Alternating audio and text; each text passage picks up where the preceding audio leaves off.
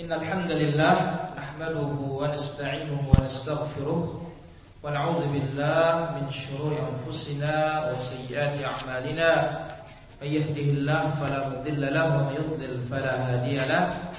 أشهد أن لا إله إلا الله وحده لا شريك له وأشهد أن محمدا عبده ورسوله.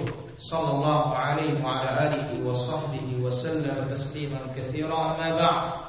فإن أحسن الكلام كلام الله وخير الهدى هدى محمد صلى الله عليه وسلم وشر الأمور محدثاتها وكل محدثة بدعة وكل بدعة ضلالة وكل ضلالة في النار kaum muslimin dan muslimat rahimani wa rahimakumullah. Alhamdulillah pada siang ini kita atau sore ini kita bisa kembali melanjutkan kajian kita dan mudah-mudahan setelah kita mendengar kita beramal. Karena itulah tujuan dari ilmu. Oleh karena itu Al-Imam Ibnu Qayyim rahimahullah menjelaskan makna hadis yang diriwayatkan oleh Imam Al-Bukhari dan Imam Muslim dari sahabat Muawiyah radhiyallahu anhu, "May yuridillahu bihi khairan yufaqihuhu fid din." Barang siapa yang dikehendaki baik oleh Allah, Allah akan berikan dia pemahaman tentang agama. Al-Imam Ibnu Qayyim mengatakan, "Hadza in urida bihil ilm al-amal." Ilmu yang demikian itu adalah apabila dia belajar, dia ingin mengamalkan maka dia termasuk orang yang dikehendaki baik oleh Allah.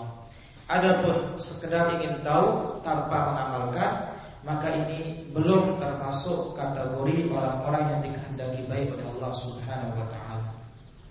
Oleh karena itu Al-Imam Sufyan Ibn Uyainah rahimahullah mengatakan Man fasada min ulama'ina kana bihi syabahun bil yahud. Ulama-ulama kita yang rusak maka ada kemiripannya dengan orang-orang Yahudi. Wa man fasada min ubadina kana bihi syabahun min nasara atau bin nasara.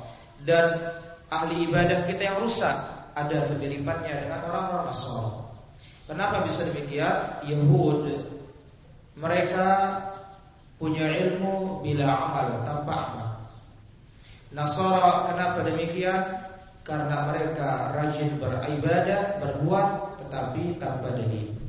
Maka sunnah dan orang yang diberikan nikmat oleh Allah Subhanahu wa taala mengikuti jalannya alaihim, orang-orang yang diberi nikmat. Itu mereka berilmu dan mereka beramal. Jadi ilmu dan amal dan inilah tujuan Allah menciptakan kita. Baik. Terakhir kita mengambil salat tasbih atau salat tasbih yang mana Al-Imam Muslim mengatakan hadis yang paling kuat dalam salat tasbih yaitu dari jalan Ikrimah dari Ibnu Abbas. Ini dari yang paling bagus. Sekarang kita pindah ke salat taubah. Salat sunnah taubah.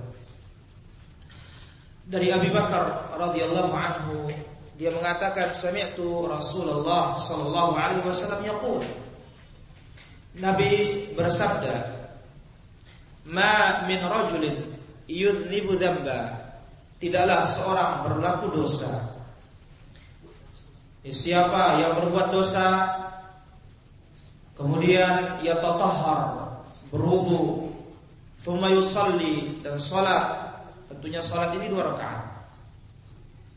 Jadi berdosa kemudian berwudu lalu salat dua rakaat, thumma yastaghfirullah, thumma yastaghfirullah.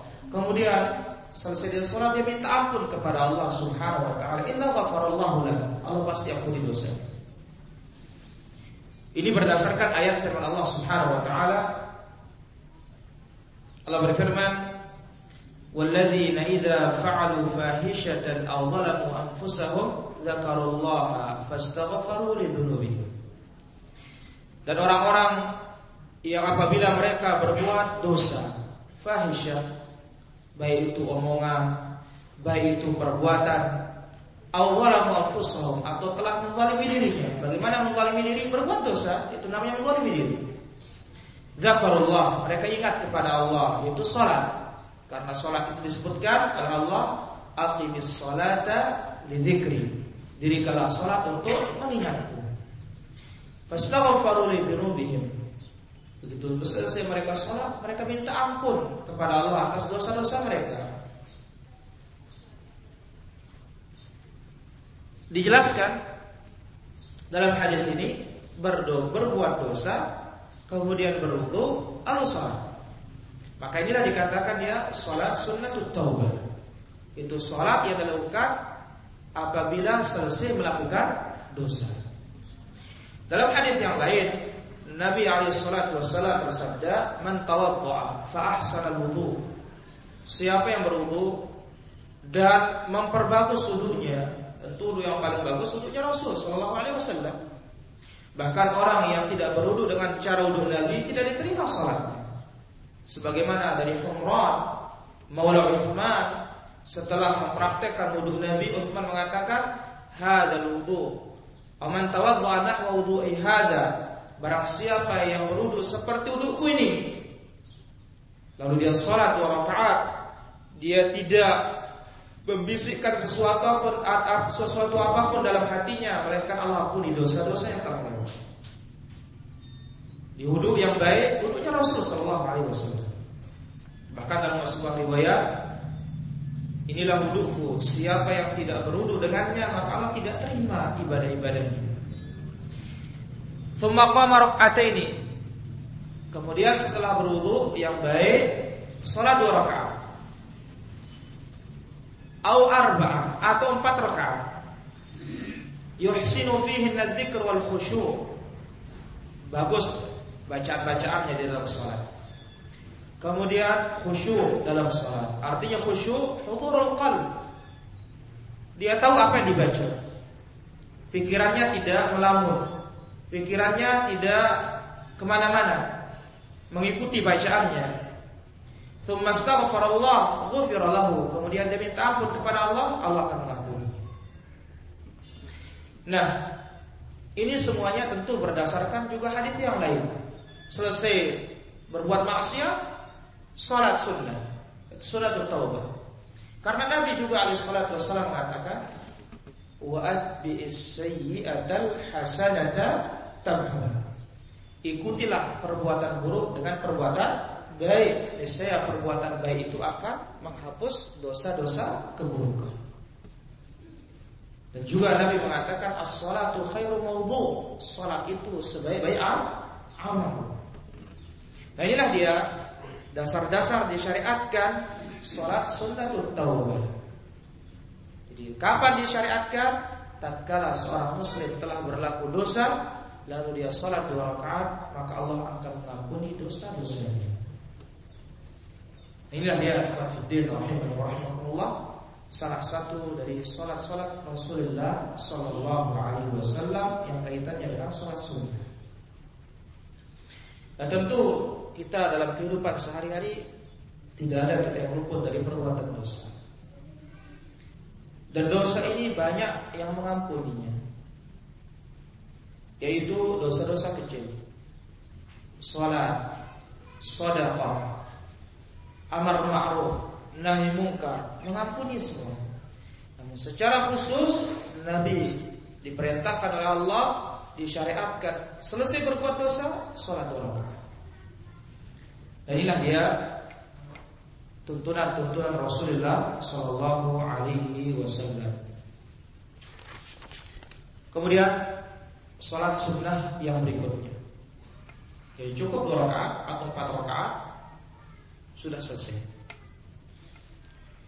Yaitu tidak ada ketentuannya apakah malam atau siang, yang penting kapan berbuat dosa. Lalu ingat kepada Allah Subhanahu wa taala segera tutupi dengan sholat. Dan tentunya kita cabut diri dari dosa tersebut. Ya, cabut diri dan nyesal, menyesal dan jangan mengulangi kembali. Oleh karena itu Nabi disebutkan oleh para sahabat Nabi Shallallahu Alaihi Wasallam yang mana ibnu Abba atau ibnu Mas'ud radhiyallahu anhu mengatakan, "Kafa bil mar'i ilman an yakhsha Allah azza wa jalla." Cukuplah seseorang dikatakan berilmu apabila dia takut kepada Allah wa kafa bil mar'i jahlan an yaqula astaghfirullah thumma ya'ud. Dan cukuplah seorang itu dikatakan bodoh dia mengatakan selesai berbuat dosa astaghfirullah namun kembali lagi. Ini jahil. Dia dikatakan berilmu takut kepada Allah Subhanahu wa taala. Dia dikatakan jahil sudah berdosa istighfar. Setelah istighfar lagi mengulanginya. Waliyadzubillah. Bukan berarti perbuatan tersebut apa namanya setiap berdosa terus bertobat itu tercela tidak itu sangat baik. Namun dicela orang tersebut sekarang tobat lagi mengulangi sekarang tobat lagi mengulangi yang mana tidak putus-putusnya. Padahal hakikatnya kita terus dituntut untuk tobatan nasuh itu tobat dengan sebenar-benarnya. Namun ingat selama matahari belum terbit dari barat dan selama nyawa masih sebelum sampai di tenggorokan tobat itu harus dan tobat ini merupakan kewajiban seumur seumur hidup. Ini dia masalah taubat. Taib. Kemudian salatul kusur, salat gerhana. Kusur asal katanya atau asal bahasanya artinya dari putih berubah menjadi hitam. Yang mana matahari itu terang tatkala dia putih. Yang mana bulan itu terang tatkala dia putih. Namun begitu dia menghitam otomatis dia itu dia gelap. Inilah dikatakan dia itu kusuf. Baik untuk gerhana matahari juga dikatakan kusuf ataupun gerhana bulan. Kalau dipisahkan kusuf itu berarti matahari pakai kha. Khusuf baru itu gerhana bulan. Namun kalau disebut kusuf bisa berarti gerhana matahari, bisa juga berarti gerhana bulan. Ikhtalaf ulama berselisih para ulama ahli sunnah wal jamaah dan ulama fikih tentang hukum salat kusuf. Jumhur ulama, kebanyakan para ulama mengatakan sunnah muakkadah. Abu Awanah dalam Sahih mengatakan wajib. Sebagaimana dari Abu Hanifah dan sebagian ulama-ulama Hanafiyah juga mengatakan dia wajib. Dan sebagian para ulama juga menguatkan itulah yang paling kuat, wajib. Karena berdasarkan perbuatan-perbuatan Rasulullah sallallahu alaihi wasallam. Nabi terjadi gerhana bulan. Nabi lari sallallahu alaihi wasallam sampai selendangnya ditarik-tarik. Nah, tanpa kita melihat dia itu perselisihan para ulama kata dia wajib atau sunnah muakkadah sekarang itu merupakan tuntunan Rasulullah SAW. Nabi tidak pernah sama sekali melupakan yang namanya sholat gerhana kalau memang ada sebab. Ya, kalau memang ada sebabnya, Nabi segera sholat. Nah, tatkala terjadi gerhana ini, tentu tukang azan memanggil, tetapi bukan dengan panggilan azan. Sebagaimana disebutkan dari Abdullah bin Amr radhiyallahu anhu Beliau mengatakan tatkala terjadi gerhana matahari di zaman Nabi sallallahu alaihi wasallam Nabi memerintahkan untuk memanggil as-salatu jami'ah. Tapi orang-orang sekarang, imam-imam sekarang salah tempatnya salatu jami'ah. Kapan? Mau salat fardu. As-salatu jami'ah. As-salatu jami'ah rahimakumullah atau salat jenazah tempatnya. Inilah dia banyak praktek-praktek kaum muslimin sehingga yang dianggap alim pun tidak tahu praktek ini. Kalau gerhana bulan, gerhana matahari, nggak ada yang memanggil. Yang seperti ini. Maka inilah dia pentingnya kita talabul ilm dan menuntut ilmu yang bermanfaat. Jadi as-salatu jami'ah itu digunakan oleh tukang azan tatkala memanggil gerhana, salat gerhana, baik gerhana matahari maupun gerhana bulan. Hadis ini ya sahih dalam Sahih Bukhari. Apa arti as-salatu jami'ah? Disebutkan Ibnu Hajar rahimahullah taala arti dari as-salatu jami'ah uhdurus salata fi hali kauniha jami'ah. Aina salata jami'ah fahduruha. waktu sholat tiba maka hadirilah dia. Itu arti as-sholatu jami'ah. Tapi ingat, ini dipakai untuk sholat ger gerhana matahari maupun bulan. As-sholatu jami'ah. Hanya itu saja. Thumma yusalli bihimul imam rak'atayn. Begitu sudah kumpul di masjid, imam membawa makmum salat dua rakaat. Sebagaimana hadis Aisyah radhiyallahu anha, beliau mengatakan khasafatis syams fi hayatin Nabi sallallahu alaihi wasallam. Telah terjadi gerhana matahari di zaman Nabi sallallahu alaihi wasallam. Fa kharaja ila masjid Nabi keluar ke masjid. Fasoffan nas wara'ahu fakabbar. Orang-orang pun bersab di belakang Nabi, lalu Nabi tak takbir. Faktara Rasulullah sallallahu alaihi wasallam qira'atan tawilah. Nabi baca Fatihah. Lalu baca ayat panjang. Thumma kabbara faraka'a ruku'an tawilan. Lalu takbir ruku.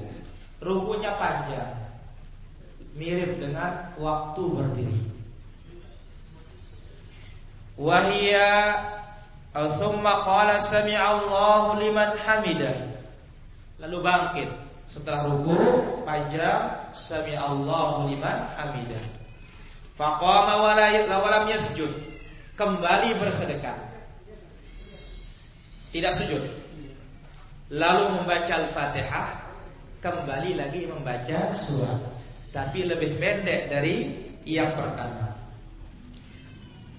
Begitu selesai baca Al-Fatihah dan surah, thumma kabbara wa raka'a ruku'an lalu takbir dan ruku panjang. Tapi ukuran panjangnya jelas lebih pendek dari ruku yang pertama.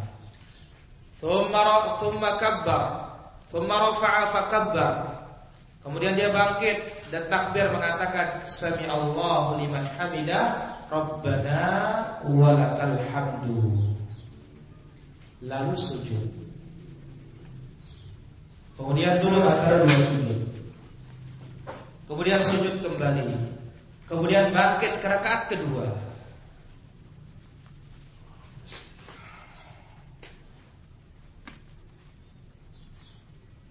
Rakaat kedua Membaca Al-Fatihah Kemudian ayat lebih pendek dari yang pertama tadi. Lalu dia ruku. Kemudian sami Allah liman hamidah lagi baca Al-Fatihah. Baca surat lebih pendek dari yang pertama. Kemudian dia ruku. Kemudian sami Allah liman hamidah Rabbana lakal hamdu sampai akhir lalu dia sujud. Kemudian duduk antara dua sujud, kemudian lagi kembali sujud, kemudian dia tasyahud dan salam. Inilah kaifiat salat gerhana matahari maupun bulan. Jadi ya dua kali empat kali ruku dalam dua rakaat dan empat kali membaca. Adapun sujud sudah biasa tetap empat. Rakaat pertama dua, rakaat kedua pun dua. Inilah dia kaifiat salatul khusu maupun salatul khusu. Wanjalat syamsu qabla an yansarif maka matahari terang berhenti gerhana sebelum Nabi selesai sholat. Thumma qama fathna 'ala Allah bima huwa ahluhu. Kemudian selesai sholat, salam, Nabi berdiri khutbah dan memuji Allah. Lalu dalam khutbahnya Nabi mengatakan, "Huma ayatan min ayatillah." Matahari dan bulan ini dua di antara tanda-tanda kebesaran Allah. La yakhsifani, dia tidak gerhana, dia tidak menghitam karena kematian seseorang maupun karena kehidupan seseorang. Fa idza ra'aitumuha, maka siapa yang melihatnya gerhana itu, fabza'u ila shalah. Segeralah lari menuju masjid untuk salat. Nah, sebab Nabi berkhutbah menjelaskan gerhana matahari bukan karena kematian dan kehidupan, putra Nabi Sallallahu Alaihi Wasallam itu Al Qasim Al Qasim bin Muhammad Setelah berumur 16 bulan wafat. Ya, yang datang dari Maria. Begitu dia wafat, Abdullah ya. Ya, begitu dia wafat, maka langsung orang-orang mengatakan bahwa ini gerhana ini gara-gara wafatnya Nabi Sallallahu Alaihi Wasallam. Gara-gara wafatnya Rasul Sallallahu Alaihi Wasallam, maka Nabi langsung membatalkan akidah tersebut. Jadi matahari ini gerhana atau bulan gerhana bukan karena kematian ataupun karena kehidupan. Namun dalam sebuah riwayat itu merupakan tanda kebesaran Allah yang Allah gunakan untuk menakut-nakuti hambanya. Menandakan kiamat dekat. Karena dalam sebuah riwayat Nabi Shallallahu Alaihi Wasallam bersabda, "La taqumus sa'ah tidak akan terjadi gerhana matahari hatta takunu khasfun bil masyriq." Gerhana di bagian timur merata. Wa khasfun bil maghrib, gerhana di bagian barat merata. Wa khasfun fi jaziratul Arab, gerhana di negeri Arab. Maka Nabi Shallallahu Alaihi Wasallam khawatir sekali terjadi gerhana, beliau mengira kiamat sudah tiba. Karena itu merupakan tanda kiamat datang. Itu termasuk tanda besar di antara tanda-tanda kiamat. Terjadinya gerhana total. Inilah dia hadis ini sahih diriwayat oleh Bukhari dan Muslim. Jadi itu kaifiat bagaimana cara sholat khusyuk. Wa yakunu dzalika jahran. Tentu imam itu membaca ayatnya dengan suara nyaring. Baik dia siang gerhana matahari maupun malam gerhana bulan. Al-Imam Al-Albani mengatakan dalam Tamamul Minnah anna salat al-kusufi innama sallaha Rasulullah sallallahu alaihi wasallam maratan wahidah. Dari penelitian penelitian hadis Nabi salat gerhana hanya sekali. Biha kama fil Bukhari. Dan telah sahih dalam Sahih Bukhari Nabi nyaring suaranya membaca. Padahal si siang. Dan tidak ada dalil yang menyatakan Nabi itu sir membaca ayat maupun surah. Sehingga sehingga Imam Al-Bukhari mengatakan dalam sahihnya babul jahri bil qiraah fil usul. Bab imam membaca dengan suara nyaring tatkala terjadi gerhana. Inilah dia kaifiat singkat masalah salat gerhana. Saya ulang. Takbir Al-Fatihah surat yang panjang. Ruku, i'tidal, kembali baca Fatihah, surat yang panjang tapi lebih pendek dari yang pertama. Kemudian ruku, kemudian i'tidal, kemudian sujud, biasa dua kali sujud. Rakaat kedua pun sama seperti pertama, cuma segi bacaan agak lebih pendek lagi. Hanya itu kaifiatnya. Dijelaskan. Wa yahsunu italatus sujud dianjurkan memperpanjang sujud dan memperpanjang ruku di dalam salat khusyuk. Sehingga Aisyah radhiyallahu anha mengatakan, "Ma sajadtu sujudan qat kana atwal minhu." Tidak pernah seumur hidupku sujud yang paling panjang selain daripada sujud waktu salat gerhana itu. Ya, sujud paling panjang Kata Aisyah radhiyallahu anha. Ini segi sujudnya. Segi rukunya dalam riwayat Imam Muslim, Aisyah mengatakan, "Ma raka'tu ruku'an qat wa la sajadtu sujudan qat kana atwal minhu." Aku tidak pernah ruku dan sujud yang paling panjang kecuali ruku dan sujud tatkala salat gerhana. Tentu rakaat pertama lebih panjang daripada rakaat kedua. kedua. Dan sholat kusuf ini dianjurkan untuk berjamaah. Sholat kusuf dianjurkan untuk berjamaah. Sehingga Al-Imam Ibnu Hajar mengatakan dalam Fathul Bari, "Wa illam yahdurul imam ratib fayaumu lahum ba'duhum." Seandainya kata di masjid itu enggak ada imam ratibnya, boleh yang lain siapa jadi imam. Tidak mesti imam ratibnya. Karena ini datang tanda kebesaran Allah yang menakut-nakuti kita. Segera lari ke masjid. Berapa saja ada di masjid, sholat. Namun yang terjadi di tempat kita berbeda. Ya, malah mukul gong. Karena apa? Khurafat, keyakinan yang menyimpang. Yang mana dikatakan matahari dan bulan lagi kelahi. Maka dengan kita mukul gong itu, gamelan itu kita bantu dia kelahi katanya. Ini khurafatnya kita oleh Allah. Justru harusnya takut kepada Allah Subhanahu wa taala dengan melakukan salat. Nah inilah dia ya disebutkan oleh Imam Ibnu Hajar. Penjelasan lanjut lagi. Jadi kalau sudah kumpul di masjid, kalau nggak ada imam tetap, siapa saja jadi imam. Kemudian wa anis Tsauri dan Imam Tsauri mengatakan illam yahdurul imam sallu furada. Jikalau tidak ada imam, ya, maka salat sendiri-sendiri. Tetapi yang lebih rajin adalah yaitu berjamaah tetap meskipun tidak ada imam rotib, siapa saja jadi imam boleh. Seandainya kata ingin memperpanjang ayat, dia tidak apal ayat Quran, boleh dia pegang. Boleh dia pegang Al-Quran karena ini salat sunnah. Tapi kalau salat wajib maka Quran tidak. Wa yusannu lin nisa musyarakatu rijal. Wanita ikut serta untuk salat gerhana ini. Berdasarkan hadis Aisyah radhiyallahu anha yang telah lewat. Bagaimana beliau mensifati salatnya Rasul sujudnya sangat panjang, rukunya lebih panjang. Ini menunjukkan bahwa wanita ikut juga sholat gerhana. Baik. Pertanyaan, apakah boleh kita sholat di rumah? Seandainya kata di masjid tidak ada. Waktu sholat di masjid, ketahuilah sholat gerhana ini di masjid bukan di rumah.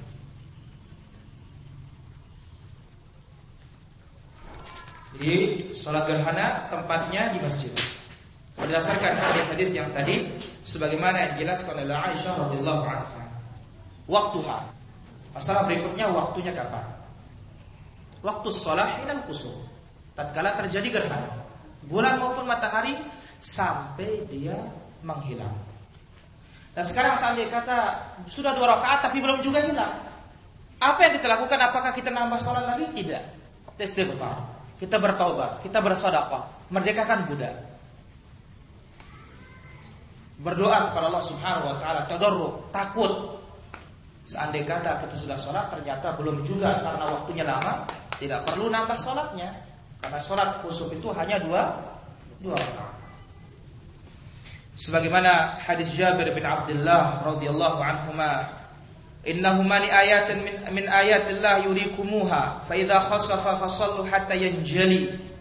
Matahari dan bulan terjadi gerhana padanya. Ini tanda kebesaran Allah dan tanda-tanda untuk menakut-nakuti hambanya yang diperlihatkan kalian. Apabila terjadi gerhana, sholatlah kalian semua sampai dia hilang.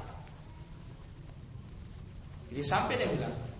Itu seandainya kata tidak hilang, itulah dia cara kita istighfar terus, bertobat kepada Allah, merdekakan budak, bersedekah dan yang lainnya. Kemudian disunnahkan khutbah setelahnya meskipun hanya beberapa kalimat. Tidak mesti khutbah panjang. Yusannu lil imam ba'da al-intiha min as-shalah yakhutuban nas. Disunnahkan bagi imam selesai sholat dia berkhutbah. Fayuthanni 'ala Allah, dia memuji Allah.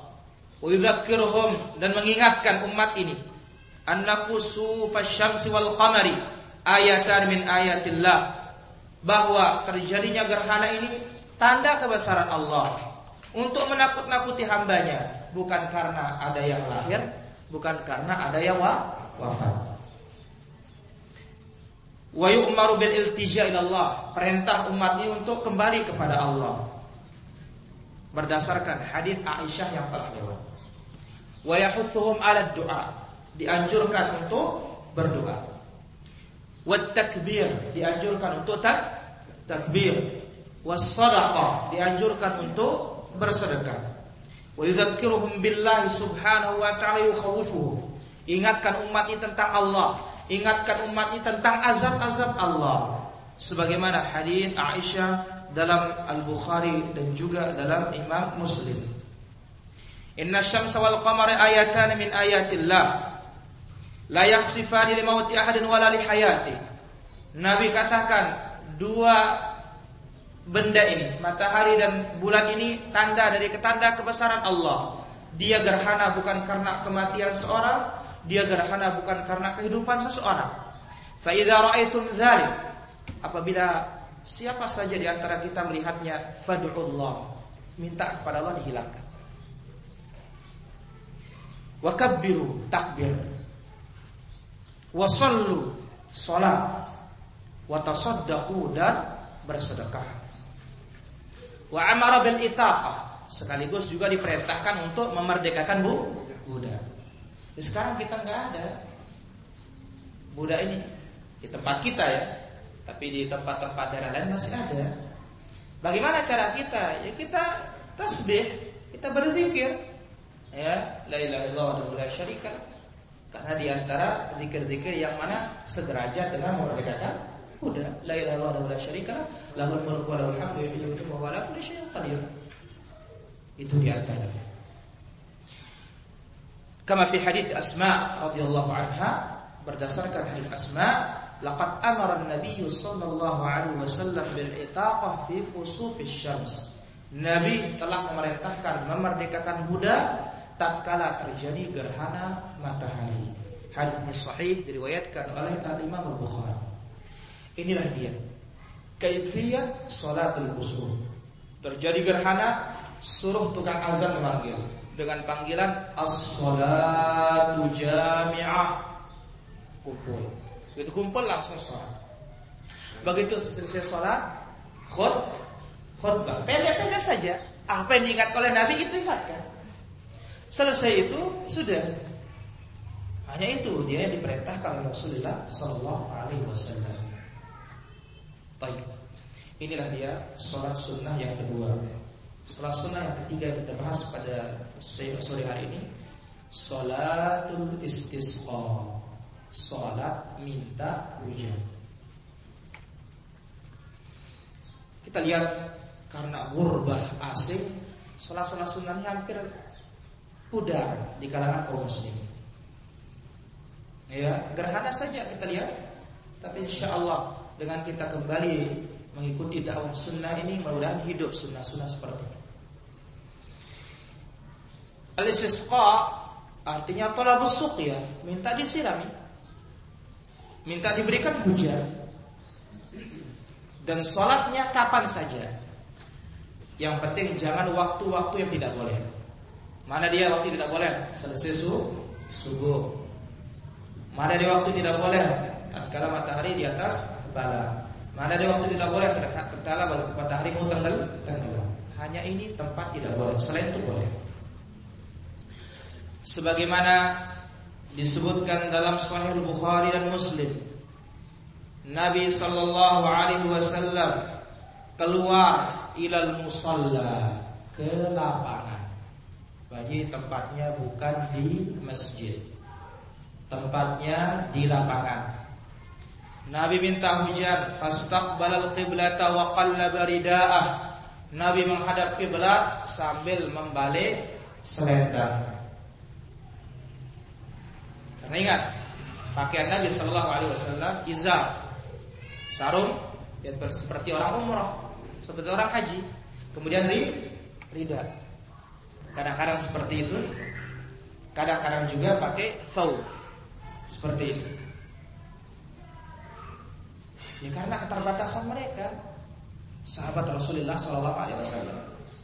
Bahkan lihat, ya, yaitu salah seorang sahabat Rasulullah Shallallahu Alaihi Wasallam waktu meninggal dunia. Apa yang dia punya? Hanya sah, sarung, mus'ab, ya mus'ab gitu kan, mus'ab bin Umair. Yang dia miliki hanya sarung, padahal orang paling kaya di Mekah itu. Pemuda yang paling kaya, pemuda yang paling wangi. Begitu hijrah ke Habasyah, berubah 100, 180 derajat. Begitu ditutup kepala, kaki kelihatan. Ditutup kaki, kepala kelihatan. Mereka hanya punya sarung. Maka ditutup kepala dan kaki ditutup dengan rumput. Jadi Nabi Shallallahu Alaihi Wasallam begitu datang ke lapangan berdoa kepada Allah Subhanahu Wa Taala lalu membalik selendangnya. Muslimuna lil istisqa mutadhallilin mutawadhi'in mutakhashshi'in mutadarrin. Kaum muslimin keluar sholat dalam keadaan menghinakan diri, dalam keadaan merendahkan diri, dalam keadaan khusyuk, mengharapkan bantuan Allah Subhanahu wa taala. Sebagaimana hadis Ibnu Abbas radhiyallahu anhuma dia mengatakan Nabi Shallallahu alaihi wasallam keluar ke lapangan minta hujan mutadzallilan. Merendahkan diri, menghinakan diri. Mutawadhi'an, merendahkan diri. Mutakhasyian, khusyuk.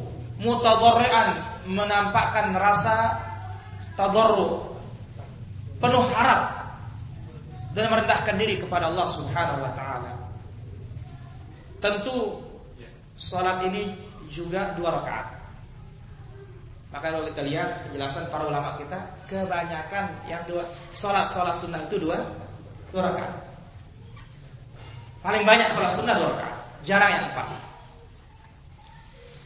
Berdasarkan ya jadi hadis bin Zaid Abdullah bin Zaid radhiyallahu anhuma Nabi sallallahu alaihi wasallam keluar ke lapangan. Fayatawajjah lil qiblah fayad'u. Nabi langsung menghadap kiblat dan berdoa. Wa hawwala ridaahu. Setelah berdoa dirubah selendangnya yang dalam menjadi lu, luar. Thumma shalla rak'atain kemudian setelah berdoa salat dua dua rakaat. Jahara fihi bil qiraah. Dengan suara yang nyaring membaca Quran apa yang dia mampu. Tidak ada surat tertentu yang dibaca tatkala minta hujan ini. Dan imam memperbanyak doa. Berdasarkan hadis Aisyah radhiyallahu anha, orang-orang mengadu di zaman Nabi sallallahu alaihi wasallam kekurangan hujan. Maka Nabi memerintahkan keluarkan mimbar ke lapangan.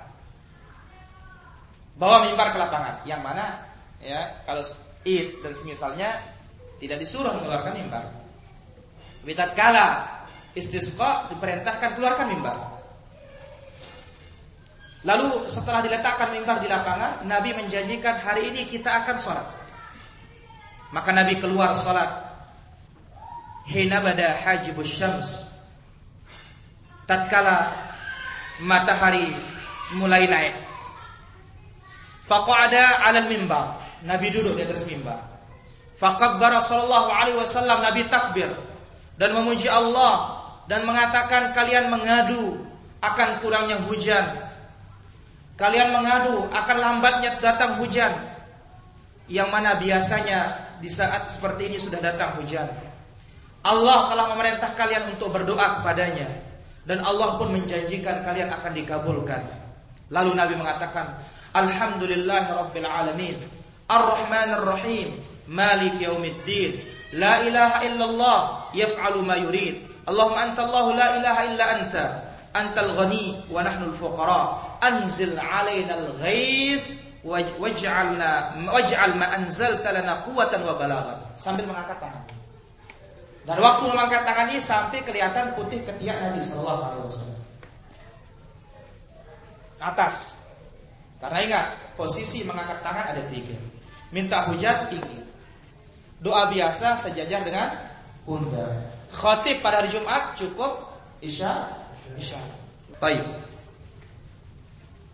Waj'al ma anzaltana quwwatan wa balaghan ila hin, thumma rafa yadayhi. Kemudian Nabi mengangkat kedua tangannya. Dari Anas bin Malik dijelaskan, Nabi apabila minta hujan ja'ala dhahra kaffaihi mimma yali wajhi. Akhrajahu Ya'la fi musnadihi Nabi Shallallahu Alaihi Wasallam apabila meminta hujan, ja'ala zahiru kaffai punggungnya mimma yali wajhihi yaitu di depan wajahnya. Jadi ya seperti inilah. Jadi agak diangkat. Falam yazal fi raf'i hatta bada bayad ibtayhi. Terus Nabi mengangkat sampai kelihatan putih ketiaknya. Ini menunjukkan tidak pakai baju. Hanya pakai selendang. Seandainya kata pakai baju ya tidak kelihatan putih ketiaknya. Jadi Nabi pakai sarung ya seperti umur itu sudah. Orang pakai ihram itu sudah. Ya, sehingga diperselisihkan oleh para ulama bagaimana hukumnya sholat pakai satu pakaian. Artinya hanya pakai sarung saja. Karena nggak ada mereka. Ya. Kemudian, thumma hawwala ila nasi dhahrahu. Jadi Nabi berdoa sendiri menghadap ke kiblat, lalu berbalik menghadap jamaahnya. Wa qallaba aw hawwala ridaahu dan membalik selendangnya. Wa huwa rafi'un yadayhi sambil mengangkat tangannya. Thumma aqbala 'ala nas, lalu menghadap ke orang-orang wa nazal dan turun dari mimbar fa sarra rak'atain lalu salat dua rakaat. Fa ansya'allahu sahabatan fara'adat wa barakat. Begitu selesai berdoa, selesai salat, langsung datang awan. Langsung datang kilat, langsung datang petir. Thumma amtara biiznillah, langsung turun hujan dengan izin Allah. Falam ya'ti masjidu hatta salas suyur. Belum sampai ke masjid karena ingat ya, posisi Nabi sholat istisqa itu dikatakan Masjidul Ghamam. Kalau kita datang dari Thariqus Salam, masjid pertama di jalan itu. Yang kecil itu sebelah kanan itu. Ini di sana orang Syiah sering datang ke sana. Itu dikatakan Masjid Ghamam. Asal dari Ghamam, awal. Di sana Nabi sholat istisqa. Belum sampai di masjidnya yang begitu jauh, sudah banjir sudah. Suyun. Banjir. Falamma ra'as sur'atahum ilal kin dhahika Rasulullah sallallahu alaihi wasallam. Begitu Nabi melihat cepatnya air itu mengalir ke rumah-rumah, Nabi sallallahu alaihi wasallam tertawa sampai nampak ya taring atau apa namanya gigi apa namanya? Taring gigi taring Rasulullah sallallahu alaihi wasallam tertawa. Faqala asyhadu an la. Nabi mengatakan aku bersaksi tidak ada Tuhan yang berhak diibadahi kecuali Allah ala kulli syai'in qadir, kuasa atas segala-galanya. Tadinya siang, apa ya terang, panas, seketika langsung turun hujan. Oh, sekarang subhanallah berapa kali istisqa? Hujan sulit turun. Di antara sebab adalah karena manusia ini banyak dosa. Kemudian juga karena manusia ini banyak yang tidak mengeluarkan zakat. Nabi bersabda, ma mana'a qaumun zakat amwalihim illa muni'ul. Tidaklah suatu kaum menolak untuk mengeluarkan zakat hartanya akan dicegah mereka mendapatkan hujan. Laulal bahaim kalau bukan binatang buas ini lam taruh kalian tidak akan diberikan hujan oleh Allah Subhanahu wa taala. Maka tum lihat sekarang ini. Kalau di hutan lebih cepat hujannya daripada di kampung. Kenapa? Di sana nggak ada orang maksiat. Makhluk Allah taat kepada Allah Subhanahu wa taala. Kita di kampung-kampung, desa-desa, sulit turun hujan. Tapi kalau di hutan lewat awan turun. Maka mereka punya rezeki yang diberikan oleh Allah Subhanahu wa taala. Seandainya kata bukan karena binatang-binatang ini Allah tidak akan turunkan bagi kalian hujan. Seandainya kata hanya manusia saja dan mereka tidak membayar zakatnya, tidak akan turun hujan. Di zaman Rasul begitu berdoa langsung turun hujan. Kemudian wa kama fi an-nass al-ati. Dia istighfar. Sebagaimana dalam hadis berikut, wa innahu rafa' yarfa'u hatta yura bayad ibtaihi. Nabi mengangkat tangannya sampai kelihatan putih ketiak Rasulullah sallallahu alaihi wasallam. Disebutkan oleh Imam Al-Albani rahimahullah taala, saya melihat dan memandang bahwa yang tinggi mengangkat tangan itu hanya imam makmum biasa saja. Yang tinggi mengangkat tangan adalah imam. Ini adalah penjelasan dalam Tamamul Minnah. Membalik selendang sebagaimana hadis yang telah lewat. Nabi Shallallahu alaihi wasallam membalik selendangnya faqallabahu dhahran li batin. Yang luar menjadi dalam. Dalam sebuah riwayat, ja'al al-yamin al shimal, yang kanan diputar menjadi kiri. Wala dalil tahwilin nas ardiyatahum. Adapun orang-orang tidak perlu membalik. Cukup yang membalik itu adalah i, imam. Apa hikmah dari hal tersebut? Ada hikmah dari hal ini. Ada yang kita ketahui ada tidak? Jelaskan bahwa Nabi membalik itu tafaul, bentuk optimis dari berubah dari satu keadaan menuju keadaan yang lain, yang lain. Itu dia ya Nabi membalik dijelaskan oleh para ulama kita sebagai bentuk optimis ya berharap berubah keadaan dari kering menjadi basah. Baik. La adzan wala iqamah. Kemudian ingat, tidak ada azan, tidak ada iqamah. Hanya itu saja. Hari ini kita akan istisqa. Hanya itu yang datang dari Rasulullah Sallallahu Alaihi Wasallam. Nah demikianlah sholat istisqa, sholat minta hujan yang dicontohkan oleh Rasulullah Sallallahu Alaihi Wasallam. Demikianlah yang berkaitan dengan masalah sholat sholat sunnah ini. Insya Allah Taala kita lanjutkan pertemuan berikutnya. Kita akan masuk ke sujud tilawah. Allah Taala Sallallahu Alaihi Wasallam Muhammad wa ala alihi wa sahbihi wa sallam. Akhir da'wan alhamdulillah rabbil alamin.